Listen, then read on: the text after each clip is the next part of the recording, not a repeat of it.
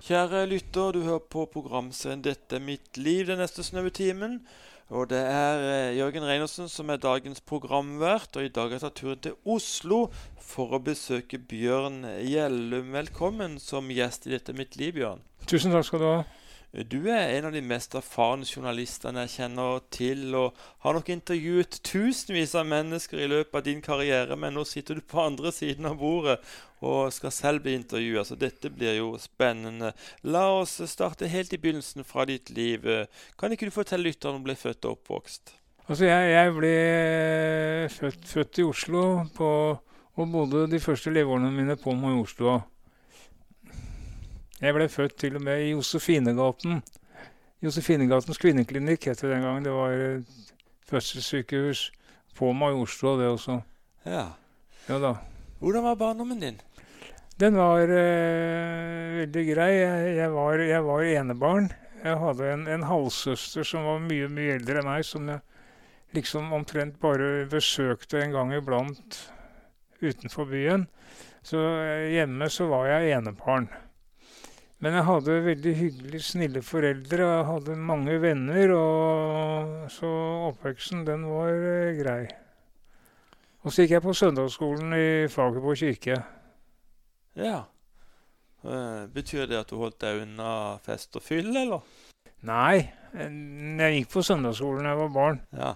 I Fagerborg kirke. Nei da, når jeg kom i ungdommen, så, så var det jo eh, sånn som at man skulle prøve å teste ut ting og sånn. Og, og, det ble jo interesse for jenter, og det, det var jo En testa jo ut alkohol og sånn, som unge mennesker ofte gjør. Ja. Eh, det var en mann som jeg så du hadde eh, som en av dine gode kamerater, eh, Arne Bakken. Ja, han ble Når jeg, jeg, når jeg var åtte år og skulle i annen klasse på, på, barneskolen. Da flyttet jeg fra Majorstua over til andre kanten av byen, til eh, Carl Berners plass. Og da begynte jeg på Rosenhoff skole. Jeg hadde gått på Marienlyst først. Og en av de som jeg først traff på Rosenhoff skole, det var Arne Bakken. Han var, gikk jevn, jevnt med meg i samme klasse. Vi var like gamle, og, og vi ble gode venner fra første stund. Og vi ble jo bestekamerater i oppveksten. Han var jo en anerkjent bibellærer. Han ble en kjent bibellærer. Han gjorde det. Han var jo veldig aktiv på Oslo Kristne Senter, både bibellærer og en av Oslo, Norges mest kjente forkynnere også. Så han har nok ledet mange til tro. Ja, husker godt Arne. Ja. Men du må fortelle videre. Hva, hva gjorde du oppe si etter grunnskolen, da? Etter? Grunnskolen? Nei, da begynte Arne det første, første etter Arne Bakken og jeg vi begynte sammen på musikklinjen på videregående, videregående. Og der gikk vi. Men så øh, ble det til at jeg, jeg veldig, hadde veldig sånn uryddig skolegang, så jeg, jeg, brøt av der. Men så fortsatte jeg Vi gikk på musikklinjen, så jeg fortsatte på Musikkonservatoriet. og så men så, så, tok jeg artium som privatist på Vangs undervisningssenter. På, jeg tok engelsklinjen der. Så, og tok eksamen, men så tok jeg jammen meg en, en, en artium til. Jeg gikk på Manglerud videregående, på musikklinje der også. Den var litt mer ordentlig faglig rettet enn den Arne Bakken jeg hadde gått på først. Det var mer trøkk på den, for å si det sånn. Og så, men så, så og da husker jeg det at, eh, at eh, en av Når jeg begynte, så, så, var det en av lærerne som sa det at, eh, at det var store arbeidsmuligheter fremover for de som valgte å utdanne seg til musikklærer. Det, men så sa han én ting også. Det er, og når det gjelder instrumentalister og sånn, så sa han det er mange gode håndverkere, men det er få talenter. Kanskje vi har noen talenter her òg. Og jeg gikk sammen med talenter på, på skolen. Mm. Og, og jeg, men jeg oppdaget ved det etter hvert at, at, jeg tilhørte innen musikk. Så tilhørte jeg vel den gruppen som han hadde kalt for gode håndverkere. For jeg, jeg har jo spilt gitar siden jeg var sju år. Du ser jeg har gitarer her. Spilt gitar siden jeg var sju år. Og hvis jeg skal si det sjøl, så er jeg, ligger jeg langt over gjennomsnittet Så jeg har både spilt klassisk og rock'n'roll i alle år, sånn at jeg kan spille gitar. Men jeg fant vel ut det senere at eh, talentet, det lå innen journalistikken. Det gjorde det. Ja, du startet ganske tidlig som skribent. Ja da, og så, så, så flyttet jeg til, til Grorud og fikk kontakt med en som heter Jan Roaldseth. En veldig hyggelig kar som var jevnaldrende med meg. Han eh, ble senere redaktør i Tønsberg Blad, og han var journalist. da. Og han jobbet i en avis i Groruddalen, en lokalavis som het Akers Avis. Men så jobbet han også i Menighetsbladet på Grorud, sånn at uh, han ville at jeg skulle skrive litt dit, for han visste at jeg skrev litt. da. Så jeg gjorde det, og så skrev jeg to artikler for den, eh, det menighetsbladet. Og så kommer Jan en dag og sier han skal slutte i, i Akers Avis, for faren hans hadde blitt politimester i Tønsberg. Og broren, som var utdannet advokat, han hadde fått en advokatstilling i Tønsberg, sånn at hele familien skulle flytte til Tønsberg. Og da skulle Jan, som vi hadde kontakt med, han skulle begynne som journalist i Tønsberg Blad. Og da lurte han på om jeg ville overta jobben hans i Akers Avis. Han hadde snakket med redaktøren, og de hadde gått god for, for de hadde sett på arbeidet mitt. Så da ble det at jeg begynte i Agers Avis Groruddalen, som den heter. Så da, der, da begynte jeg den journalistiske opplæringen der. Og det var grundige greier. Der er det mange flinke folk som har vært. Oddvar Stenstrøm i TV 2 har bakgrunn der, og Tom Egeland, forfatteren, har bakgrunn i Akers Avis. Så det er veldig mange som har jobba der i utgangspunktet og fått opplæringen sin der. Vi må snakke litt om, eh, om tro. Eh, Bjørn, foreldrene dine det var ingen faste kirkegjengere? Nei, men de hadde en tro. Og det var derfor jeg ble fulgt til søndagsskolen på Fagerborg hver søndag som barn. Og så lærte jeg det å be oftenbønn. Så, så jeg lærte å tro på Gud, og jeg lærte å tro på Jesus. Men det var ikke sånn at de var sånne, sånne ivrige som menighetsmennesker, da. Men faren min han fikk nok en, en omvendelse når han, når han var i, i 50-åra. For han, han, fikk et hjerteinfarkt og kom på sjukehuset. Han, han var jo egentlig en svær, kraftig kar, så han ble veldig satt ut av det. Og etter det så begynte han å gå på møter og han gikk i Salemkirken og i Filadelfia-kirken i Oslo. Og han kom hjem og fortalte om møter han hadde vært og hørt på Kjell Halvtorp og Morgan Kornmo og hva de snakket om. Og han fikk en omvendelse. Men, men han, han, var ikke, han, var ikke, han var veldig Han hadde troen sin, og han, noen ganger så snakket han om fine taler han hadde hørt, men ellers så var det ikke noe sånn at han skulle fortelle alle om dette her. Men du sjøl, eh, du kom med i det som kaltes Jesusvekkelsen på 70-tallet? Ja, ja, Det var sånn som vi snakket om dette med ungdommen i ungdomstiden og sånn, at vi skulle prøve ut litt alkohol og sånn. Og det var jo også sånn at vi prøvde ut hasj på den tiden. Og det var Arne Bakken med på, da. Så, men, eh, men så Så var det noen som stadig kom til byen, som gikk med sånne vesker på skulderen og delte ut traktater. Og det var jo folk som representerte Jesusvekkelsen. Og da traff jeg noen der som, som sa at de hadde noe sterkere å dele med oss enn noe av det hasjen vi kunne røyke. Og så ble det sånn at uh, noen av oss vi bøyde oss og tok imot Jesus. Og så fikk vi være med på møter privat uh, i gamlebyen i Oslo. Og det var veldig sterke møter også, for vi fikk oppleve det at, at det, når de snakka om Jesus, og, og snakket, så var dette, opplevde vi det som en realitet. For vi kjente at Gud var til stede, og vi, fikk, vi ba, og vi fikk svar på bønnene våre. Vi kunne be den ene dagen, og så dagen etterpå så Ja, men det ble jo sånn. Så det ble en liten overraskelse òg, at det var så virkelig. Så det var, det, og det var Jesusvekkelsen, ja. Og så var det, det var liksom vanlige folk, og det var vanlige yngre mennesker som ble omvendt, som var akkurat sånn som oss andre. Tenker litt på det. Hvor lenge ble du i dette Jesus-vekkelsen-miljøet, holdt jeg på å si? Nei, det var ikke Altså, det var sånn altså Den troen, den satt jo inne der, men, men etter hvert så var det sånn at den var ikke aktiv. Altså, det var ikke sånn at jeg, jeg gikk jo ikke på møter og sånn. Jeg gjorde ikke det. Jeg fant meg liksom ikke hjemme noe sted.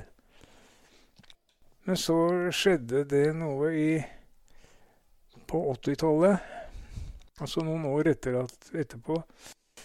Da jeg var jo interessert i politikk, og jeg var Den gangen så hadde Høyre i Oslo De holdt på og var veldig ivrige for å opprette noe som het uh, bydeler i byen. At uh, administrasjonen skulle fordeles på bydeler, og ikke være én administrasjon som styrte hele Oslo, men skulle være mindre. Så jeg var litt engasjert der. Og så var det en dag jeg hadde, jeg hadde gjort en jobb for Høyre, så hadde skrevet noe. Så kom jeg ut fra Høyres hus, og da sier, sier at, så sier Gud til meg, for jeg vet at det var han som sa det, for det var en klar stemme som sa at det er to veier, Bjørn, og du vet hvor du skal gå. Og så ble jeg nærmest styrt opp i Filadelfia-kirken, som ligger i St. Olavs gate. Så for de som er kjent i Oslo, fra Høyres hus i Stortingsgata opp til Filadelfia-kirken i St. Olavs gate. Det er en fire minutter å gå. Så jeg gikk de minuttene, og så gikk jeg opp og, og ringte på der i Philadelphia. Og da var det en som, som spurte jeg har du avtale med noen. Nei, jeg har ikke det. sa jeg. Ja, folk pleier å ha avtale her, sa han. Ja, vel, men jeg har ikke det, sa jeg. Men det som skjedde da, det var akkurat da så kom en som heter Karl Inge Tangen, som var ungdomsforstander i Philadelphia. Han kom så sånn Ja, men jeg kan snakke med deg. Så ble jeg med han opp på kontoret, og så fikk jeg bøye meg på nytt og, og, og be på nytt sammen med han. Og da kom jeg tilbake, kan du si, for å si det på den måten. Jeg hadde ikke vært helt borte, jeg hadde, jeg mista troen min. Men jeg hadde ikke vært noe aktiv. Men da kom jeg tilbake og fikk be om å komme nær Jesus på nytt. Og fra den dagen så begynte det å gå framover. Da begynte jeg å gå på møter i Philadelphia og være sammen med andre kristne, sånn at det var Jeg hadde et fellesskap. Og da begynte det å gå framover. Nydelig. Mm. Men jeg jobba jo som journalist samtidig, da. Ja, og det var jo det som skjedde, at du også fikk brukt dine journalistiske evner på, på radio. Ja da, det, det, skjedde fordi at jeg, jeg i den sammenhengen jeg, jeg, jobbet Jeg ble eh, bedt om å hjelpe til i i Radio Maranata i Oslo. Og der var jeg og, sammen med, ja, og lagde programmer. Og i den anledning så skulle jeg ha intervju med Ludvig Carlsen og Lise Carlsen, som drev Evangeliesenteret. Jeg skulle ha intervju med dem. Det var uh, rundt juletider i 1990-91.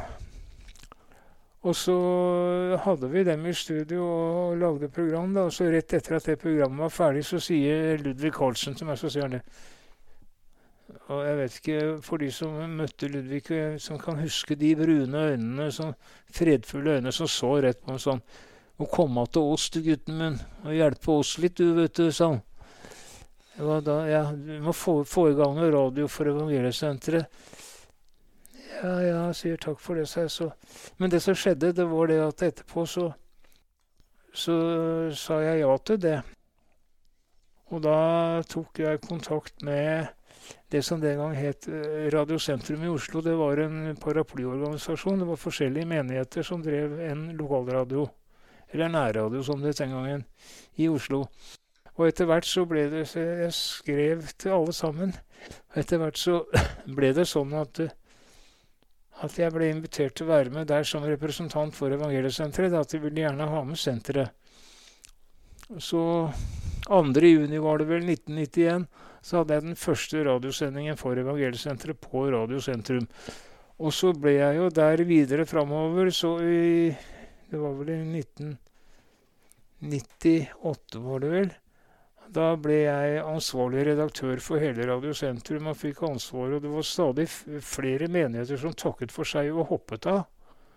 For de skulle drive med andre ting. og synes liksom, I begynnelsen svaret sånn når, når liksom radiomonopolet ble brutt, det var Lars Roar Langslett som var under eh, kulturminister for Høyre, som fikk eh, brutt brudd på NRK-monopolet. Så disse nærradioene kom. Da skulle liksom mange kristne bli ivrige å være med, for da skulle de ut og fortelle om Jesus på radio, og da skulle alle høre om Jesus. Men så oppdaga de vel etter hvert at det kanskje ikke ble så veldig sånn som de hadde trodd. Så flere trakk seg, da. Men da, så det vi gjorde rundt 2000, det var at vi Eller jeg valgte å formatere radioen, da. Det vil si at vi valgte én type musikk.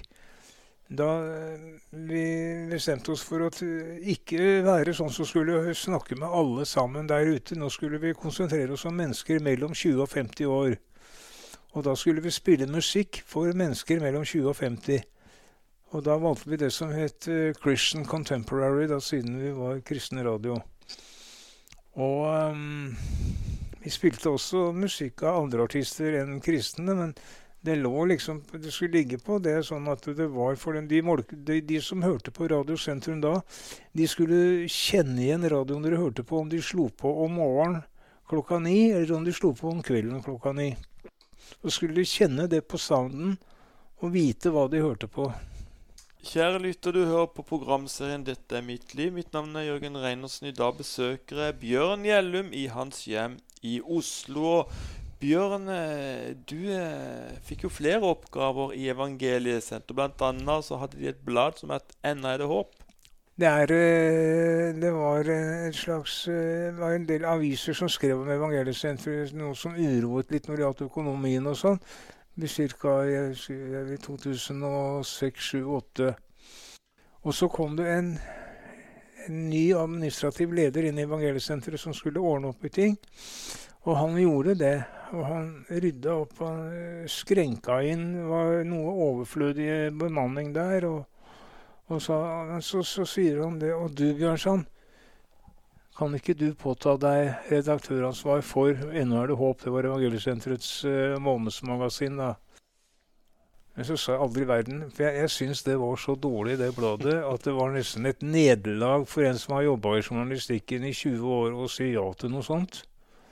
For det det hadde ikke noe godt rykte på seg. Det var liksom Men eh, så, jo, så, så jeg sa nei takk, det kan jeg ikke. Og så, så gikk det jammen meg et par dager, så kom han en gang til. Så sa han det, 'Ennå er det håp', sa han. Du står fortsatt ved at du, jeg vil ha deg der som redaktør for det. Så sa jeg nei en gang til. Men så, så var det en morgen, et par dager etterpå kanskje, om morgenen klokka åtte. Da hadde jeg satt meg ned akkurat foran, foran pulten da vi hadde kontor og slått på datamaskinen, og så kommer den samme stemmen som snakket til meg utenfor Høyres hus den gang, som sa at jeg skulle gå opp i Philadelphia der. Den samme stemmen bare skjærer gjennom alt. Det var jo helt stille der. Men den stemmen var enda mer stille enn det som var stille. Så stemmen sier bare 'Du skal si ja'. Og når, når, hans, stemme sa at 'du skal si ja', så skjønte jeg hva det var jeg skulle si ja til. Og da ringte jeg opp til Jens Nysæter, som var sjefen der, og så sa jeg det at eh, jeg har uh, ombestemt meg. Jeg, kommer opp og prater med deg, sa jeg. Men så, så sa jeg det at uh, jeg skal si ja, men det er Jeg må ha noen betingelser. Og det er det at for det første så, så skal jeg ha et, et absolutt redaktøransvar. Jeg skal ikke ha noe innblanding jeg må ha full frihet til å skrive det jeg skriver, og ikke noe sånn at jeg skal ha kommentarer hele tida og innblanding i det, og, og meninger og sånn. Det skal jeg ikke ha. Og hvis det er sånn at dette blir for mye, at jeg blir sliten av det, så må jeg kunne eh, låne inn frilansere til å hjelpe meg. Så sa han det er innfridd. Det er mm. greit. Og da begynte jeg som redaktør i NHL på og jeg vil jo si det at det forandra jo det bladet til å bli mer journalistisk driv i det. da. For jeg tok jo med Jeg hadde jo god kontakt i, med de bevilgende myndigheter også i Stortinget og politikerne. Så det var jo, og der har du jo på Stortinget så har du jo helse- og omsorgskomiteen, som f.eks. som har veld, veldig nær oversikt over stoff- og rusmisbruket i landet. sånn det var veldig naturlig å snakke med mange av dem om utviklingen, hvordan politikerne så for utviklingen i, i rusfeltet. Så jeg skrev jo en del om det. Og, og samtidig, samtidig, så slutta jeg i radio 30.10.2005. Da la vi ned Radiosentrum i Oslo, og da ville Evangeliesenterets ledelse at jeg skulle lage mer på TV. Så da gikk jeg over og, og da begynte, sa jeg det at jeg skal gjøre det, men da må jeg få lage det som interesserer meg mye, og det er samfunn og politikk. Ja, det skulle jeg få lov til. Så da begynte jeg, da lagde jeg et program som het Akkurat nå, som var et politisk program. Som, og det må jeg si, det er jo det som er jeg har opplevd senere som har vært et gjennombrudd for å for at kristne skal være åpne i forhold til politikk. For først så hørte man mye at kristne skal ikke blande politikk og kristendom. Nei da. Men eh, politikk det har jo med fordeling i samfunnet Og senere nå så Jeg sa til en fra Filadelfia-kirken her om dagen Nå har det jo blitt sånn at uh, Filadelfia-kirken, når det er bønn for Oslo, så har jo de begynt å invitere politikere fra bystyret og og, sånn, og, og, sånn, og Det er derfor jeg mener at vi ved å lage det programmet akkurat nå som det het, som var politisk på TV, skapte et gjennombrudd for at man skulle samtale med politikere. Og det er jo mange kristne politikere òg. Det trengs vel kristne i alle politiske partier? Absolutt. Ja. Vi skal snakke litt om eh, at du ble alvorlig syk for snart eh, tre år siden. Du satt i et arbeidsmøte på Evangeliesenter, og så ble du dårlig. Så jeg var der klokka ti. Og møtet begynte som det skulle. Så var vi ferdig sånn, sånn ca. ved tolvtiden. Og da sier eh, han som var daglig leder i Evangeliesenteret, han spurte meg til slutt om jeg hadde noe å legge til og da, da, greide jeg ikke å snakke, og så kjente jeg at hele den venstre armen min, den greide jeg ikke å og Den var helt hang bare rett ned. Og så blei jeg borte, og så opplevde jeg at folk rundt meg henta puter, og de skulle de snakket om å ringe etter ambulanse og sånn, og da ble det ringt etter ambulanse, og jeg ble hentet, og da viste det seg at jeg hadde fått et hjerneslag, og det var senere oppdaget at det var hjerneblødning òg. Så ble jeg lagt i den ambulansen, og jeg husker det at de spurte meg te etter telefonnummeret til kona mi. Og det er jo sånn i våre dager på telefonen vår at vi går ikke rundt og husker telefonnummeret. Nå er det bare bilde av kona nå, så er det ikke sant å trykke. Eh, så, men merkelig nok så greide jeg, så huska jeg det nummeret, så de ringte henne. Og den ambulansen den skulle, Jeg var i Moss når jeg fikk det slaget. Den ambulansen skulle kjøre meg til Kalnes sykehus, som ligger ved Sarpsborg. Østfold-sykehuset. Men den eh, hadde også fått et nytt eh, fot fotoutstyr i bilen på prøve. Dvs. Si at de kunne ta fotografi av hjernen, og så hadde de kontakt med Ullevål sykehus her i Oslo. Så de tok bilde av hjernen, og så sendte de det til Ullevål. Og så hadde de kontakt med, så sier Ullevål vi vil ha han hit til Ullevål, ikke til Kalnes. Og så ble det sendt en luftambulanse som henta han og plukka ham opp på et jorde nede i Østfold. har jeg sagt. Jeg vet ikke om det var på et jorde eller en bensinstasjon, men jeg ble plukka opp der nede av luftambulansen da, og flydd til Ullevål og lagt inn på akutt der. Og fikk den første hjelpen der. Tilstanden var meget alvorlig? Den var alvorlig, så døgn nummer to på Ullevål så sier de til kona mi at vi kan ikke garantere at han lever natta over. Så sånn var det. Ja, hva, hva var veien videre? Nei, det som var, det var Jeg ble senere flyttet kom, Jeg kom på Aker sykehus.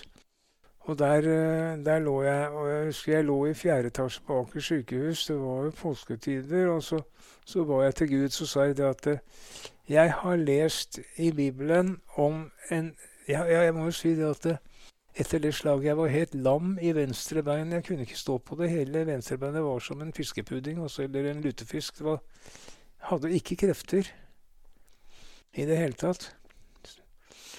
Så det var jo seng og rullestol. Og så, så, så, så, ba jeg, så sa jeg det at jeg har lest i Bibelen at det, de tok en lam mann som lå i en seng, og så uh, lagde de hull i taket, og så firte de denne lamme mannen ned til Jesus, så han kunne helbrede den mannen. Han helbredet den lamme. Og nå ber jeg som er lam i beinet, om at du helbreder meg her på sykehuset. Så kan jeg gå rundt på sykehuset her etterpå. Men det skjedde ikke, det. Men det som skjedde, det var noe annet. Og det var det at akkurat idet jeg hadde sagt amen, så sto det en fysioterapeut ved siden av meg. Så sier fysioterapeuten Hva ønsker du å oppnå under oppholdet her på sykehuset? Og Da sa jeg det at eh, det første som slår meg da, siden du spør, seg, det er jo det siden jeg er lam i beina her, at jeg kan greie å gå. Så undersøkte han litt, og så, og så la jeg til For da kan jeg f.eks. når jeg drar herfra, så kan jeg gå ned trappa så kan jeg vinke til dere oppe i vinduet. Så undersøkte han litt og sa Ja, men det må vi prøve å få til sånn. Ja. og så begynte en treningsperiode. Og det, og det, som er litt interessant med det, det er det at jeg har aldri vært noe sånn særlig for trening. Og jeg har vel egentlig ikke villet forstå hvor viktig det har vært heller. Jeg trena litt når jeg har hatt vondt i ryggen for å bli bedre av smertene, men jeg, ikke, utover det ikke. Men nå eh, fikk jeg trene med flinke fysioterapeuter. Og jo mer og mer jeg trente, jo mer og mer styrke fikk jeg i det lamme beinet. Og etter en, en, stund så kunne jeg faktisk gå på det beinet jeg da ikke kunne gå på. Og det har vært trening hele tiden. Også, ja, men jeg har også Jeg har jo en kone som har bedt for meg her hjemme. Og jeg har veldig mange venner rundt omkring, både i menighet og, og som jeg har kjent gjennom jobb og sånn. Også mange som, som har vært med, som har hatt på telefon sier ja, vi skal be for deg, ja, vi ber for deg. Og jeg har merket det at eh, Med det at eh, det er Herren som har inspirert meg til å trene også, fordi at han har Etter hvert som det har skredet framover, så har det kommet nye resultater. Og jeg har lært noe nytt som jeg ikke har tenkt på før. Og det er mestringsfølelse. Før så tenkte jeg mestringsfølelse det, det, det er for sånne som ikke får det til. det. Nei, men altså, fordi at jeg har som regel ikke hatt så veldig mye problemer med å få til det jeg har prøvd på. Jeg har vært i den situasjonen. Det har som regel gått greit.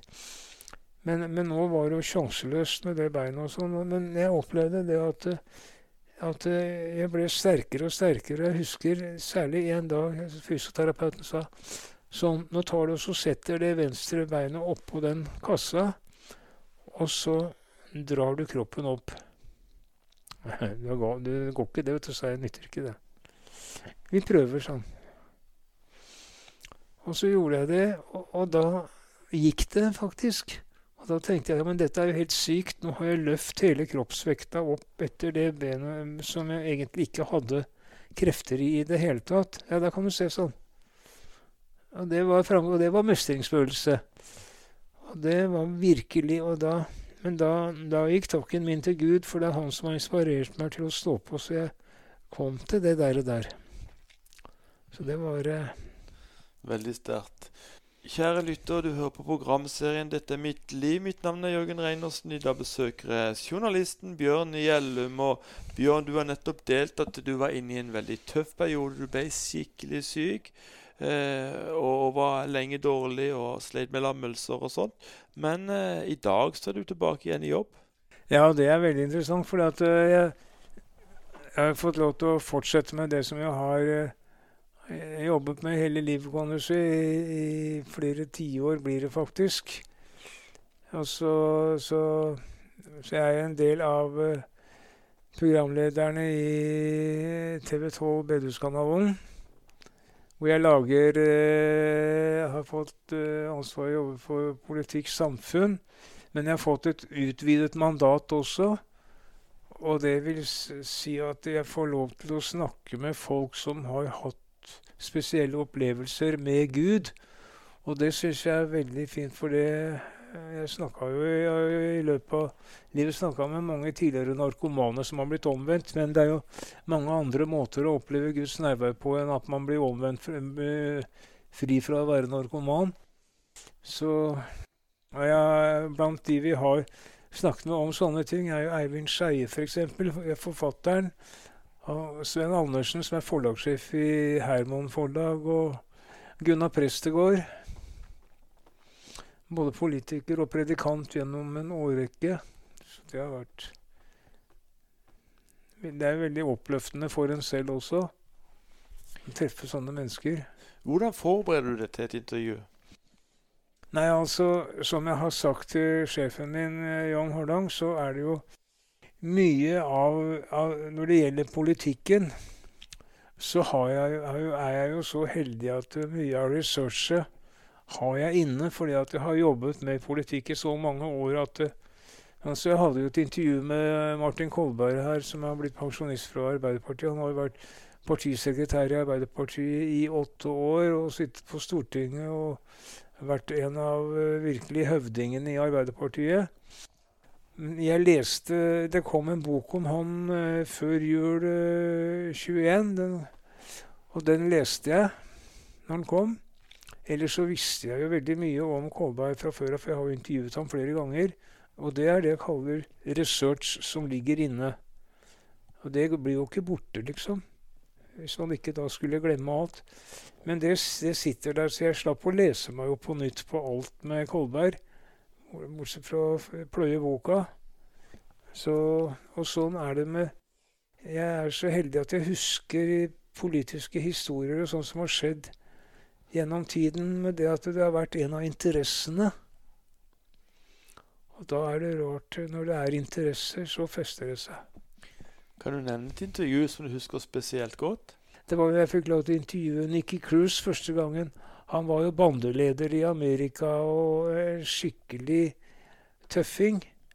Som ble, som ble frelst og har jo fått mange med seg på veien etter det. Det syns jeg var veldig sterkt å komme nært inn på, inn på han.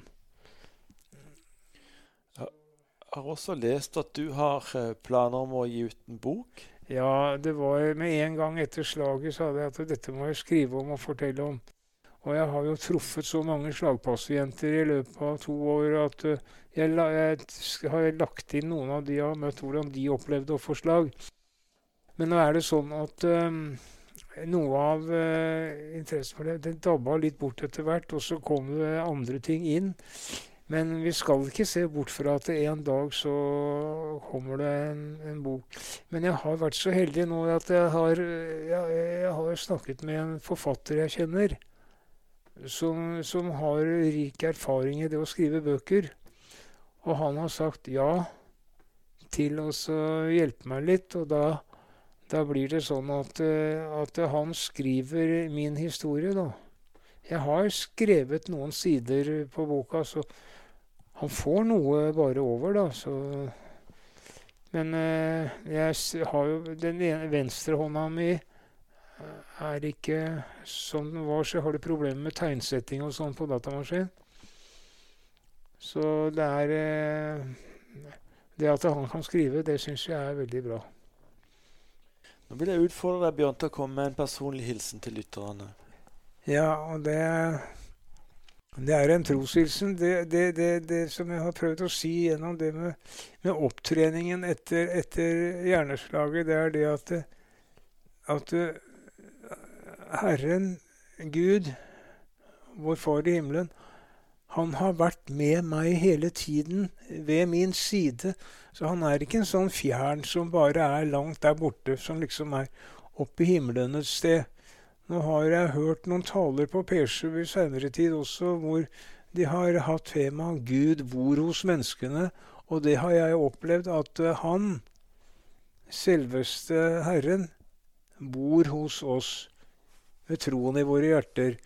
Og han har, eh, Jesus har gått ved min side i denne opptreningen fra jeg lå der i senga på sykehuset og ikke greide å reise meg opp engang, og måtte ringe på en klokke hver gang jeg skulle et eller annet, til å komme dit jeg er, hvor jeg kan reise ut og reise f.eks. Uh, og besøke noen på landet. Jeg kan reise ned i studio vi har i Oslo. og kan reise rundt og intervjue mennesker. og kan få lov å sitte her og, og ta imot uh, Jørgen, som kommer hjem til meg. og I det hele tatt så har uh, Gud vært nådig, og han har gått med meg, og han svarer på bønn.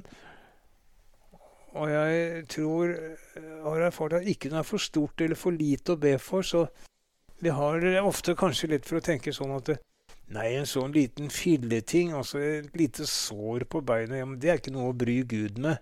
Han bryr seg ikke om sånt. Eh, Gud bryr seg om alle ting. Alle, alle ting med menneskene og det. Når vi retter oss til Han, om det så er et sår på, på beinet som er plagsomt, f.eks., så bryr Han seg om det fordi at Han er glad i oss, og Han vil at vi skal ha det vel. Amen. Så sånn er det. Vil du også be en bønn for lytterne? Ja. Kjære Jesus, jeg takker deg for Jørgen her, Herre Jesus, som reiser rundt og gjør intervjuer for radioen. Jeg takker deg, Herre, for P7 og de andre radioene som, som sender programmer ut. Jeg takker deg for at jeg rett som det er treffer mennesker som har sittet i bilen sin og, og hørt på trosprogrammer og blitt grepet av det. Og kjære Jesus, så takker jeg deg for at jeg kunne få lov til å fortelle nå denne historien som rammet meg. Det har vært veldig mange tunge dager, og det har vært veldig mye tungt i forbindelse med å få eh, hjerneblødning, for det blir jo helt satt utafor. Det er mye. Men kjære Jesus, det er da det er så godt å få lov til å kjenne inni seg at vi har en trofast Herre som bryr seg, og som er med, og som svarer på bønn. Og takk, Jesus, at uh, som det jeg sa, ikke noe for stort eller ikke for lite til å komme til deg, men du er allmektig, og ikke noe er for stort for deg, Herre Jesus. Men du bryr deg også om det lille uh, menneskets dagligliv. Kjære Jesus. Takk for at, du, at dette her nå går ut, og takk at jeg får, får lov til å tro at det skjer noe i den åndelige verden når de signalene sendes ut at vi forteller om troen på deg, Herre Jesus Kristus, den levende og oppstandende, vår frelser. Kjære Jesus. Og så ber jeg, Herre for Jesus, at du skal velsigne de som hører på i dag. Og hvis det er én spesielt som har blitt berørt av noe av det som vi har snakket om i dag, Herre Jesus, så ber jeg at du skal velsigne vedkommende. Og at vedkommende skal komme til deg, Herre Jesus, og forstå at eh, vedkommende kan, vi kan snakke med deg, Herre Jesus. Akkurat som vi snakker med en som sitter ved vår siden, siden av oss, en som vi har tillit til. Så kan vi komme til deg med alt og, og, og snakke, fortelle deg om det som, både det som gleder oss, og det som plager, Herre Jesus. Og takk, Herre, at du aldri blir lei av å høre på. Takk, Herre Jesu navn, og takk at du skal velsigne 90-10, Herre Jesus. Jeg takker deg, Herre, i Jesu navn. Amen. Bjørn Gjellem, hjertelig takk skal du ha for takke ja til å være gjest i Dette er mitt liv. Må Gud rikelig velsigne deg, kona di, din familie og ditt virke i årene fremover. Takk. Kjære lytter.